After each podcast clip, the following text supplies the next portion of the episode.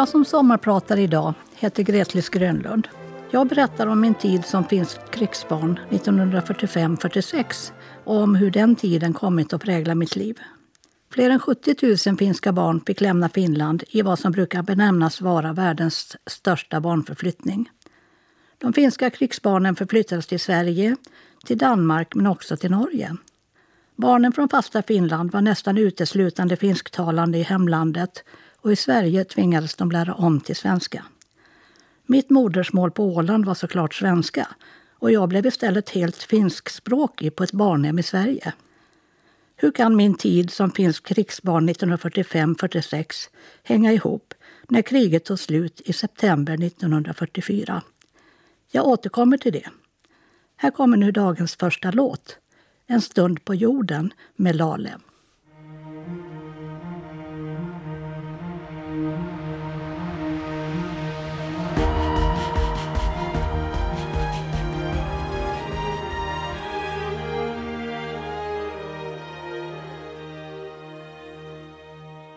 Jag är född 1943 i Mariehamn. Och I familjen då fanns mamma, pappa och min stora syster som är två år äldre än mig.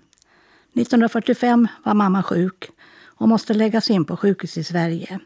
Jag antar att jag var för liten för att någon i släkten skulle kunna ta hand om mig på Åland så jag skulle följa med. Min syster stannade hos farmor och farfar i Marby Eckerö. Pappa hade fått jobb som bagare i Gimo i Uppland, cirka 15 mil från Stockholm. Hyresfastigheten på Klinten sades upp. Pappa sålde sitt dragspel för att istället köpa en cykel och vår resa startade i slutet av september 1945 från Mariehamn.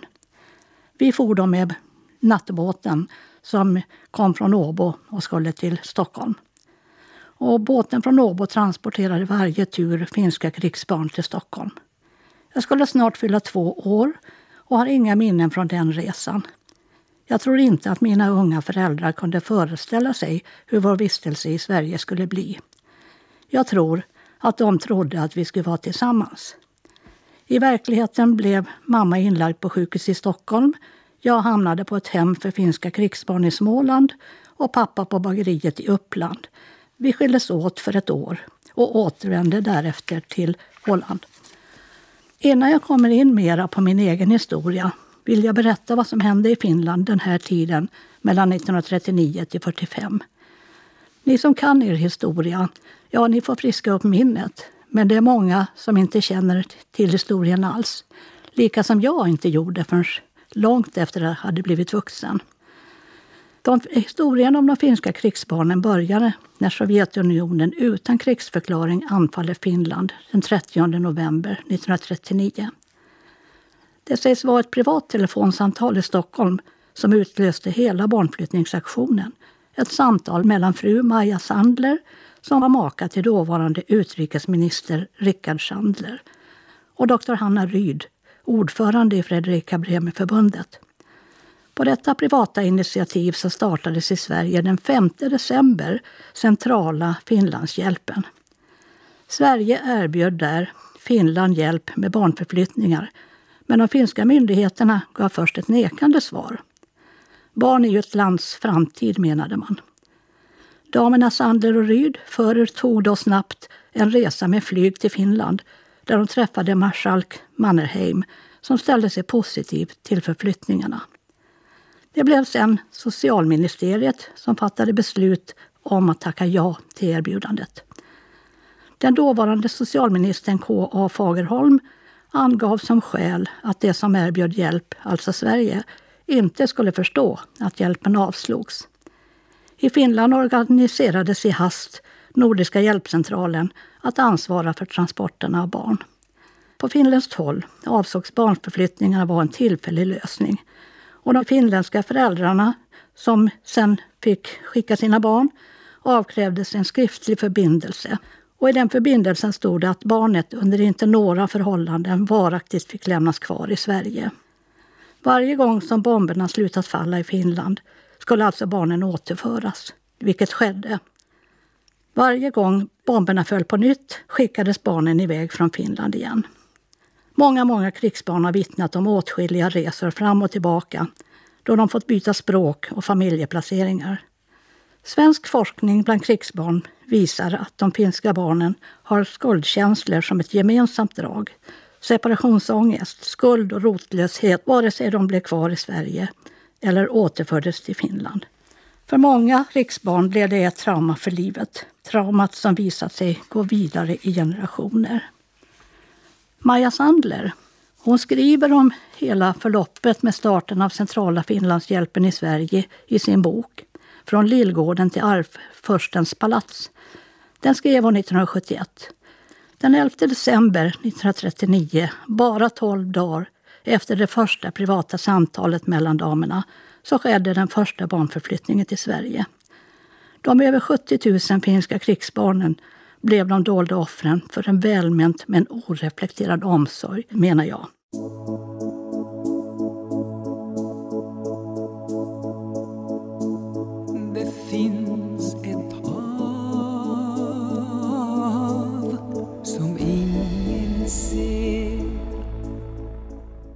Ni hörde En sång om frihet, sjungen av Arja Saijonmaa. Ja, kriget då som startade 1939, som kallas vinterkriget, tog slut den 13 mars 1940. Det var ett kort krig och Finland tvingades gå med på fred. De hade då förlorat en del landområden.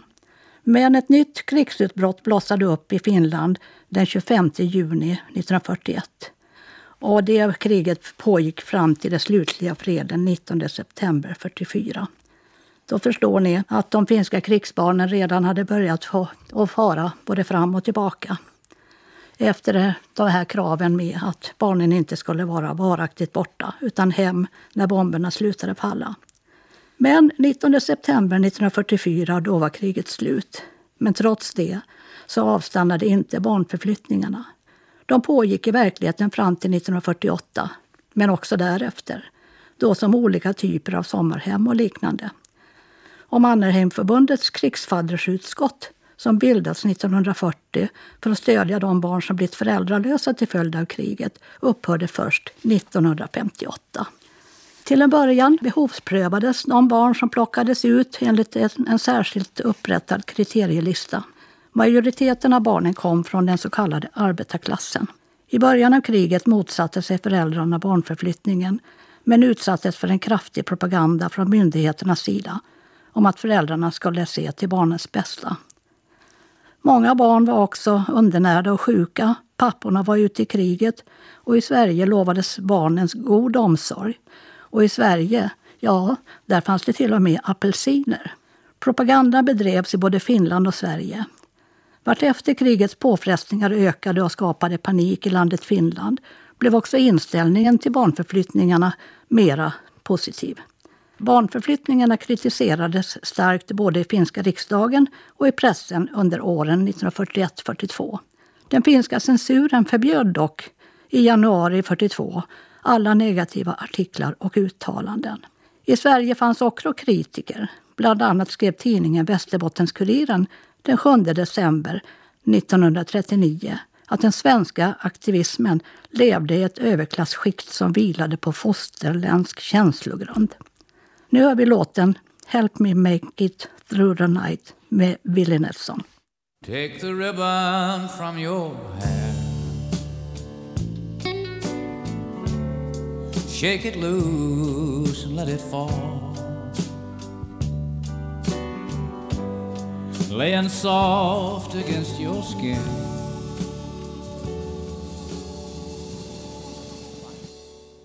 Du lyssnar på Sommarprat i Ålands Radio och jag som pratar idag heter Gretlis Grönlund.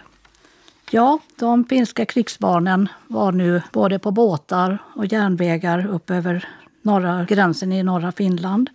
Och i Sverige där startades barnhem och barnsjukhus. Det var en otrolig organisation. Det startades barnhem och barnsjukhus. Det kunde vara i villor, herrgårdar, semestergårdar, slottsflyglar, hotell och pensionat som privatpersoner och företag ofta kostnadsfritt ställde till förfogande. Många finska barn blev fosterbarn i svenska familjer. De svenska familjerna tog många gånger barn av plikt och eller av status. Barntransporterna gjorde uppehåll på många orter i Sverige och familjer kom och valde ut de barn de ville ta hand om. Många krigsbarn kan vittna om att de stått uppradade framför människor som talade ett språk de inte förstod. Men att de förstod att människor först där och då tänkte på, ja men vad ska vi ha? En flicka eller pojke? En liten eller en större? En som vi kan använda i arbete? En söt eller en hjälplös? Många finska krigsbarn vet hur det känns att väljas ut, eller ännu värre, att inte bli vald alls. Många barn kom att flytta mellan olika fosterhem och den svåraste upplevelsen för många var ändå att inte kunna tala eller bli förstådd på sitt modersmål eller att skiljas från syskon som de rest med. Många berättelser finns där de större syskon lovat sin mamma att inte släppa småsyskonen men nästan aldrig kom syskon till samma familj. De flesta familjer tog bara emot ett barn. En man berättar. Vi var tre bröder inom några kilometer men vi fick aldrig träffas och prata vårt modersmål.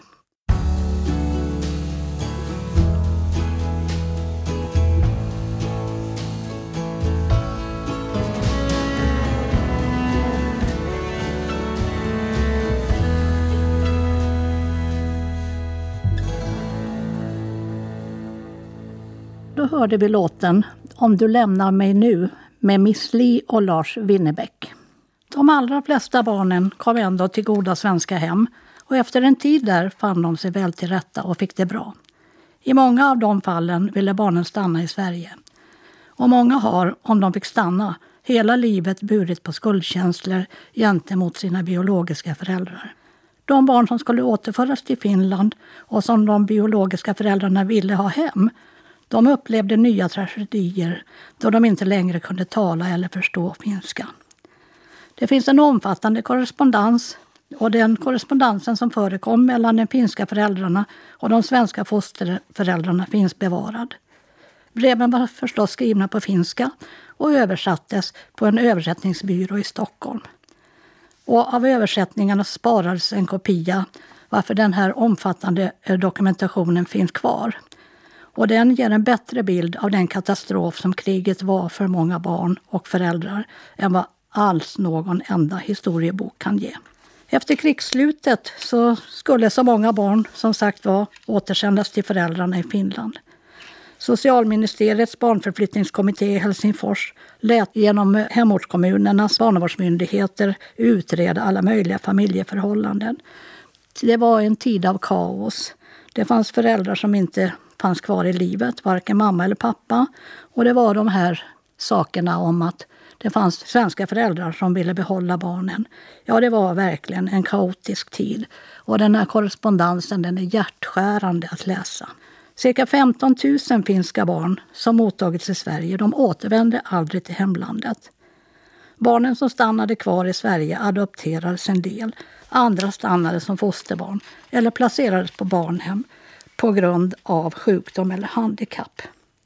Det finns i Riksarkiven både i Helsingfors och i Sverige, Stockholm, Sverige omfattande dokumentation som alla kan ta del av om man skulle vara intresserad av att forska. Men att det inte finns någon dokumentation lokalt i Sverige beror ju såklart på att barnen inte skulle skrivas på orten utan barnförflyttningarna var en tillfällig lösning. Alla barnen skulle tillbaka. Därför har ofta heller inte ortsbefolkningar idag runt om i Sverige så stor kunskap. Oavsett vilket så var det en tid för de mer än 70 000 finska krigsbarnen som kommit att bli en tid som för många varit livsavgörande. Varje barns historia är det barnets egen sanna historia. Den är ofta ömtålig och måste bemötas med respekt. Så också min egen historia som präglat mina föräldrars liv, mitt eget liv och som går i arv till nästa generation.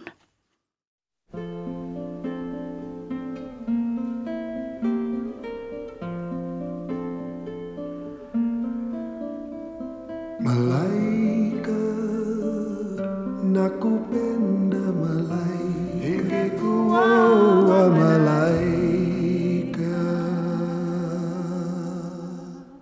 Vi hörde här låten Malaika som i översättning betyder Jag älskar dig, min ängel. Nu fortsätter jag med min historia. Jag som sommarpratar idag i Ålands Radio heter Gretlis Grönlund. Min barndom på Åland minns jag innehöll mest bara frågor, men det fanns inga svar. Jag var som en främmande fågel i min familj, lika väl som senare i skolan. Jag sökte svar på varför jag var så olik min lugna syster och andra barn. Var jag adopterad? Var hade de hittat mig? Varför hade jag minnen som var långt bort ifrån? Varför fanns det en kappsäck av papp på vinden med mitt namn i locket, men ingen till min syster? Vad betyder fotot på mamma, pappa, stora syster och mig med det grovt skrivna årtalet 1945? Varför kände jag ingen värme från mamma? Vad hade jag varit med om som man inte skulle prata om? Men jag var ändå inget ledset barn, nej tvärtom. Jag var glad, pratsam, intresserad, påhittig, oblyg och orädd. Inget var för mig omöjligt, men jag var ofta ensam med mina påhitt. Till exempel minns jag att jag hörde populära Alice Babs joddla på radion. Det lät jätteskoj, så nu skulle jag lära mig joddla och jag satte igång. Det dröjde inte länge innan jag ombads att sluta skrika. Beroende på årstid tog jag då skidorna eller gick till Lotsberget och tränade för full hals. Ja, jag kan joddla. Här kommer Alice Babs med gökuret.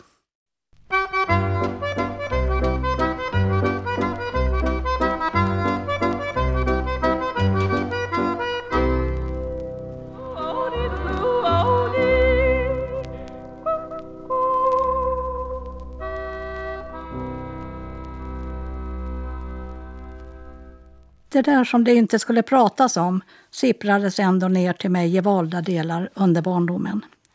Ibland pratade de vuxna med varann eller så tjatade jag mer. Berätta mer, berätta mer. Det var som att eh, det de pratade om det handlade om en flicka och det var jag. Men det var ändå inte jag. För som regel så blev allting avbrutet. Isinga prata om det där nu igen. Jag tyckte mycket om att höra pappa tala om när han jobbade som bagare i Sverige och historien om dragspelet och cykeln. Det var pappa eller farfar som brukade berätta de flesta historien om flickan. Någon gång hörde jag mamma säga med sträng röst. Och hon som pratar så bra och så tidigt och så kommer hon hem helt finsktalande. Egna minnen kom då över mig hur klart som helst. Jag minns en tågstation där en barnsköterska följer mig till tåget och hon förmanar mig på finska. Vad som än händer, ta inte av dig lappen. Kom ihåg det. Vad som än händer, ta inte av dig lappen. Hon pratar med resenärer på främmande språk, alltså svenska, placerar mig på ett tågsäte och går iväg. Jag skulle fylla tre år om några veckor. Jag minns att jag stod på knä hela tågresan och tittade ut och kände medresenärernas vänliga men bekymmersamma blickar i ryggen. Jag förstår inget av vad de säger. De tar mig av tåget när vi kommer till Stockholm och jag lämnas över till två andra främmande människor, mina föräldrar. Men det vet inte jag. Det första de gör det är att försöka ta av mig lappen, men det går inte. Jag minns inte mötet med de två, men jag minns greppet om lappen. Vi skulle bo hos farmor och farfar i Äcker och Marby när vi kom tillbaka till Åland för att senare skaffa eget boende. Farfar berättade om namnlappen som jag vägrade ta mig, om jag så sov och som jag hade på mig i veckor. Pappa berättade att de hämtade en kvinna som kunde finska och som hade barn i min ålder som vi hade umgåtts med innan resan till Sverige. Hon skulle fråga om jag kom ihåg något från tidigare. Hon pekade på sin son och frågade mig på finska. Känner du igen den här pojken? Jag hade tittat förundrat på henne och svarade. Nej, men gör inte du det om du är hans mamma. Farfar berättade vidare att jag gärna följde honom på vedbacken. Och efter bara några veckor så berömde jag honom och pratade och sa så här. Duktig pojka, hämta pojta. Så flyttade familjen till Johannebo där vi bodde några år och där familjen utökades med en lilla syster. Vi hade eget bageri på villagränd i Mariehamn. De gånger jag frågade mamma och hon alls svarade på något om tiden i Sverige så brukade hon bli sträng på rösten och oftast näsa till svar. Som till exempel att ja, på landgången i Stockholm där tog någon sköterska och lyfte dig ur mina armar. Och där skildes vi åt för den tid som var. Hon verkade ledsen och bitter och jag lärde mig att inte ställa några frågor till henne. Pappa, som saknade sitt dragspel, köpte så småningom ett nytt som han glatt spelade på i resten av sitt liv. Han kunde inga noter, han spelade helt på gehör. Här pappa, här spelar jag för dig. Avestaforsens brus med Kalle Jurabo.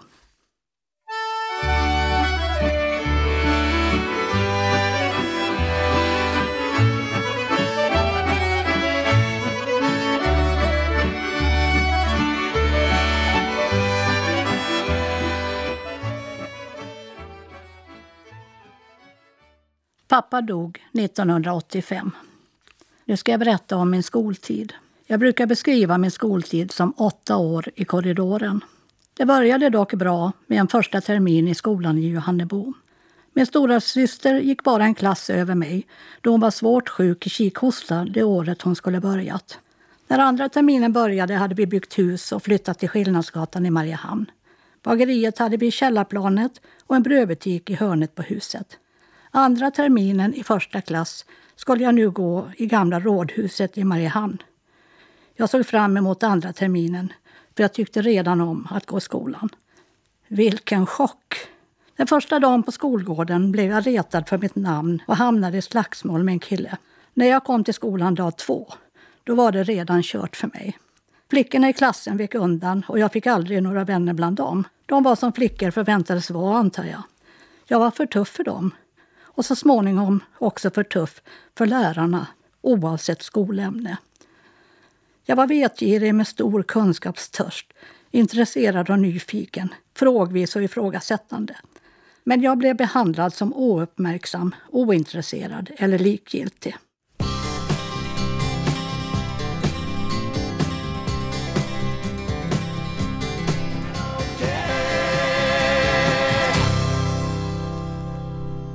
Vi hörde låten This is my life med Kim Larsen. Ja, i skolan ja. Jag åkte ut i korridoren titt som tätt. Jag visste inte alltid varför. Och det var minst sagt blandat.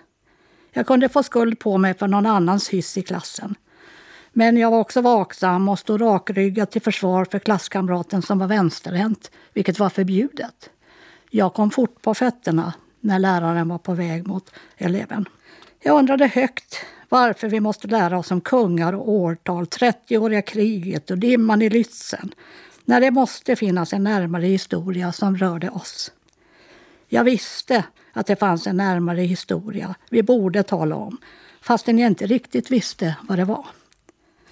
Inför det här sommarpratet kollade jag för säkerhets skull med min stora syster hur hon mindes det från sin klass. Om man talade om Finland och kriget. Men som hon mindes så sades det inte ett ord, vare sig om första eller andra världskriget.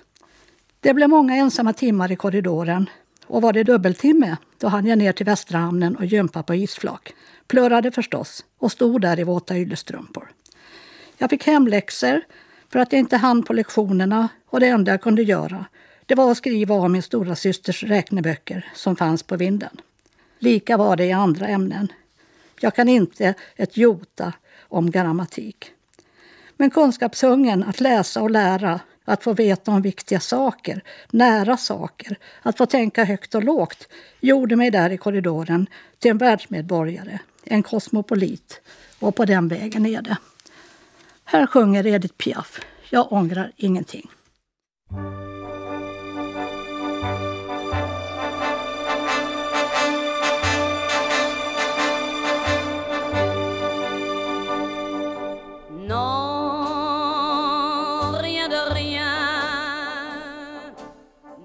Den viktigaste och roligaste dagen jag minns från skolan det var när det skulle komma en person som varit på upptäcktsresa till ett riktigt främmande land, en främmande plats. Vill minnas att det var Nya Guinea. Hur skulle jag nu vara, eller hur skulle jag göra för att inte åka ut? Jag tror jag var tyst i flera dagar för att minimera risken. Jag minns ännu ansträngningen. Jag önskade och hade så gärna velat gå i Lyceet men det var såklart uteslutet. Här ville jag spela låten Diarimirri, Regnbågens barn med Jeffrey Gurumul. Gurumul som är från ett urfolk i Australien som föddes blind och vänsterhänt och håller sin gitarr upp och ner när han spelar så vackert och sjunger på ett lokalt språk.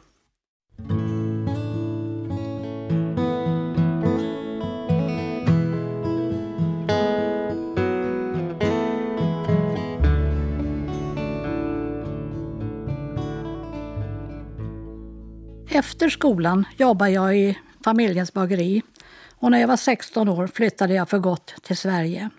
Jag bildade familj och tiden gick som för de allra flesta. Jag var strax över 50 år när några grannar startade en studiecirkel i släktforskning. Skoj, tänkte jag. Där vill jag vara med. Grannarna avancerade, men jag stod på samma fläck. Till slut tänkte jag att för att komma vidare här, så måste jag ta reda på vem jag är själv.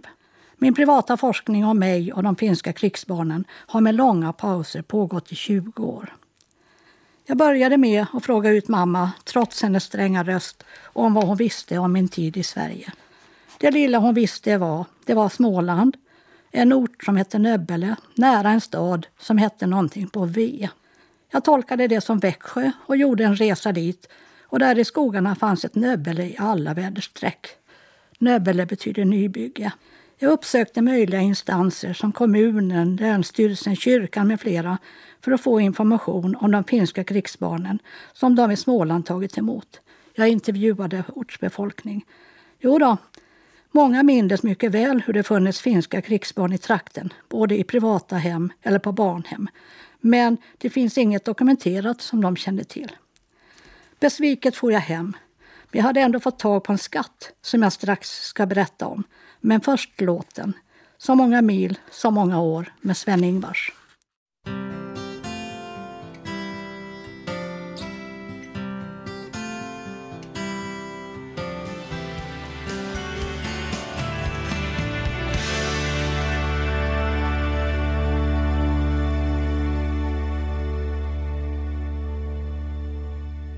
Skatten, ja. Skatten som jag fann i Växjö. Det var ett specialarbete skrivet av ett finskt krigsbarn som var utgivet av Älghults sockens hembygdsförening. Och rubriken var Finska krigsbarn 1939 till 1945. Där i finns mycket att läsa, bland annat mycket statistik. Och det finns noterat i statistiken utskickade barn från Åland, 15. Jag har genom åren tänkt, vilka är de? Varför finns ingen dokumentation på Åland om detta? Eller om det finns, var och varför är det så okänt för de flesta? Nu på senare år har det ändå i Ålandstidningarna skymtat förbi personer som har egna minnen. Men det brådskar att samla in berättelserna om intresse finns.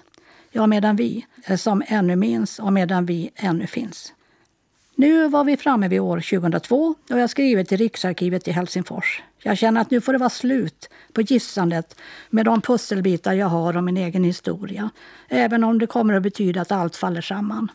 Att jag kanske smärtsamt får ändra på historier som hållit mig uppe i livet med rätt eller fel. Svaret från arkivet kommer med besked att de har letat i alla arkiv utan att hitta någonting. Jag går sänder ett kort ögonblick. Men den vänliga texten fortsätter med att det kan löna sig att vända sig till Svenska Riksarkivet. Jag tillskriver Riksarkivet i Stockholm och därifrån dunsar det in en hel bunt med dokument om mig. Hela vistelsen i Sverige, om Nöbbelehemmet i Värnamo.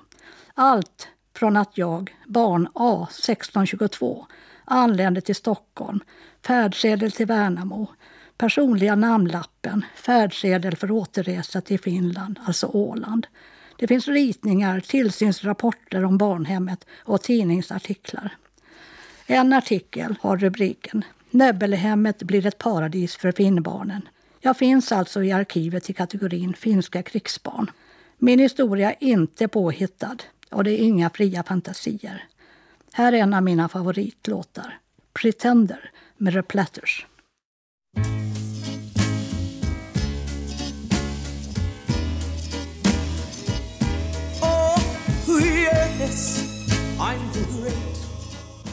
Ja, låtens titel, Pretender, det blir översatt till svenska, låtsas.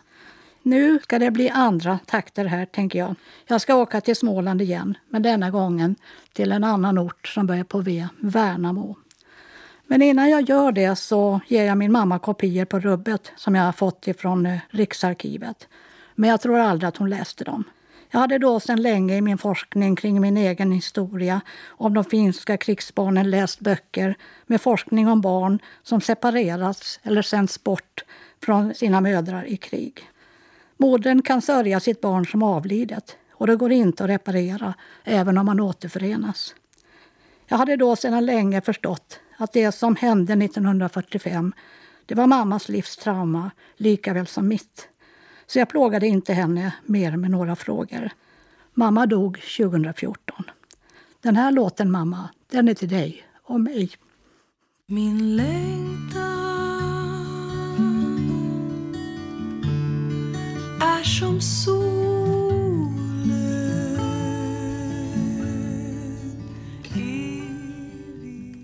Vi hörde Kristin Amparo som sjöng låten Min längtan. Ja, jag reser till Småland och Värnamo. Nu ska jag hitta Nöbbelhemmet. Jag sökte på kommunkontoret, Länsstyrelsen, Lantmäteriet, letade i kartor och talade med ortsbefolkningen. Men det var samma resultat här som i Växjö. Inga uppgifter finns bevarade lokalt. Jag inser att jag inte kommer att hitta Nöbbelhemmet eller spår av det och tänker nu får det bero. Men så, år 2019 får jag hemma i Östhammar där jag numera bor av en tillfällighet se en annons i en tidning att Historiska sällskapet i Värnamo ska visa gamla bilder från stadens historia. Ett historiskt sällskap i Värnamo? Jag kontaktar föredragande och nu börjar en ny tid med intressanta upplysningar och kontakter. Jag får foton på hus och gårdar som varit barnhem, massa bilder på finska krigsbarn, skrivna artiklar med mera. Men ännu idag så är det inte helt klart vilket barnhem jag varit på. Jag bestämmer då att jag ska snart åka till Värnamo, men vad händer då? Jo, en världsomfattande coronapandemi utbryter och lamslår också oss i Sverige. Resan och utforskandet har satts på väntning. Kanske jag ändå får känna mig nöjd med att jag efter mer än 70 år nästan kommit innanför grindarna till Nöbbelehemmet i Värnamo. Kopior på mina dokument från Riksarkivet kommer nu att sparas hos Historiska sällskapets gamla Värnamos samlingar. Och jag kommer att lämna in mina dokument och alla mina texter och övriga dokument om de finska krigsbarnen till mitt personarkiv vid Landskapsarkivet på Åland. Jag som sommarpratat idag heter Gretlis Grönlund. Jag har berättat min historia om den rotlöshet som följt mig i livet men också i friheten i hur lätt jag har funnit mig till rätta oavsett vad jag är. Det har varit mindre skoj för mina närmaste som aldrig har vetat vad jag för tillfället ägnar mig åt eller vad jag är.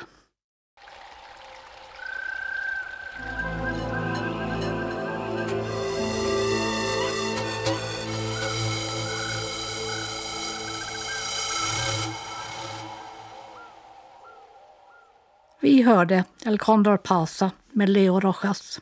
Numera delar jag min tid mellan Sverige och Åland. I Sverige har jag barn, barnbarn och barnbarnsbarn.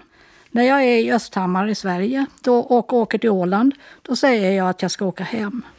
I farmor och farfars hus i Eker och Marby som jag numera äger vilar jag min själ. Och när jag åker till Sverige så säger jag också att jag ska åka hem. Jag avslutar mitt sommarprat med min absoluta älsklingslåt med Cornelis Vreeswijk. Tack för att ni lyssnat.